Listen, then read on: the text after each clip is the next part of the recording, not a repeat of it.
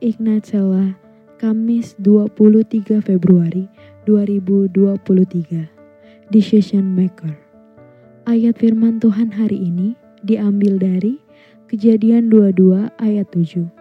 Lalu berkatalah Ishak kepada Abraham, ayahnya, Bapa, sahut Abraham, "Ya anakku." Bertanyalah ia, "Di sini sudah ada api dan kayu, tetapi di manakah anak domba untuk korban bakaran itu?" Shalom sobat membara. Generasi muda sebagai agent of change bertindak untuk menginisiasi suatu perubahan atau sebagai katalis untuk sebuah proses perubahan dalam suatu institusi dan menjadi garda terdepan dalam proses perjuangan, pembaruan, dan pembangunan bangsa. Lalu, bagaimanakah sikap seorang anak muda ketika mengambil keputusan? Kita sebagai anak Tuhan, kita mau belajar dari Bapak Abraham bagaimana beliau mengerjakan perintah Tuhan dan terus berjalan sampai Tuhan menyatakan kemuliaannya.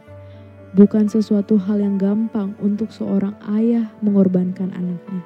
Tapi di kejadian 22 ayat 8, sahut Abraham, Allah yang akan menyediakan anak domba untuk korban bakaran baginya, anakku, demikianlah keduanya berjalan bersama-sama.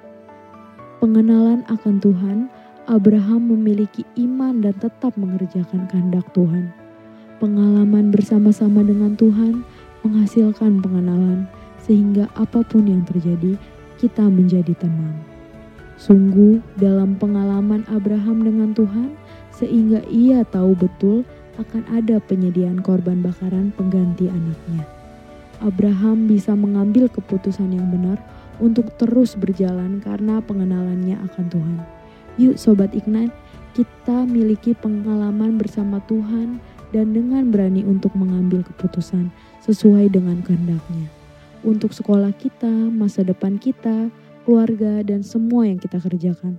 Selamat beraktivitas Sobat Ignite, Tuhan Yesus memberkati.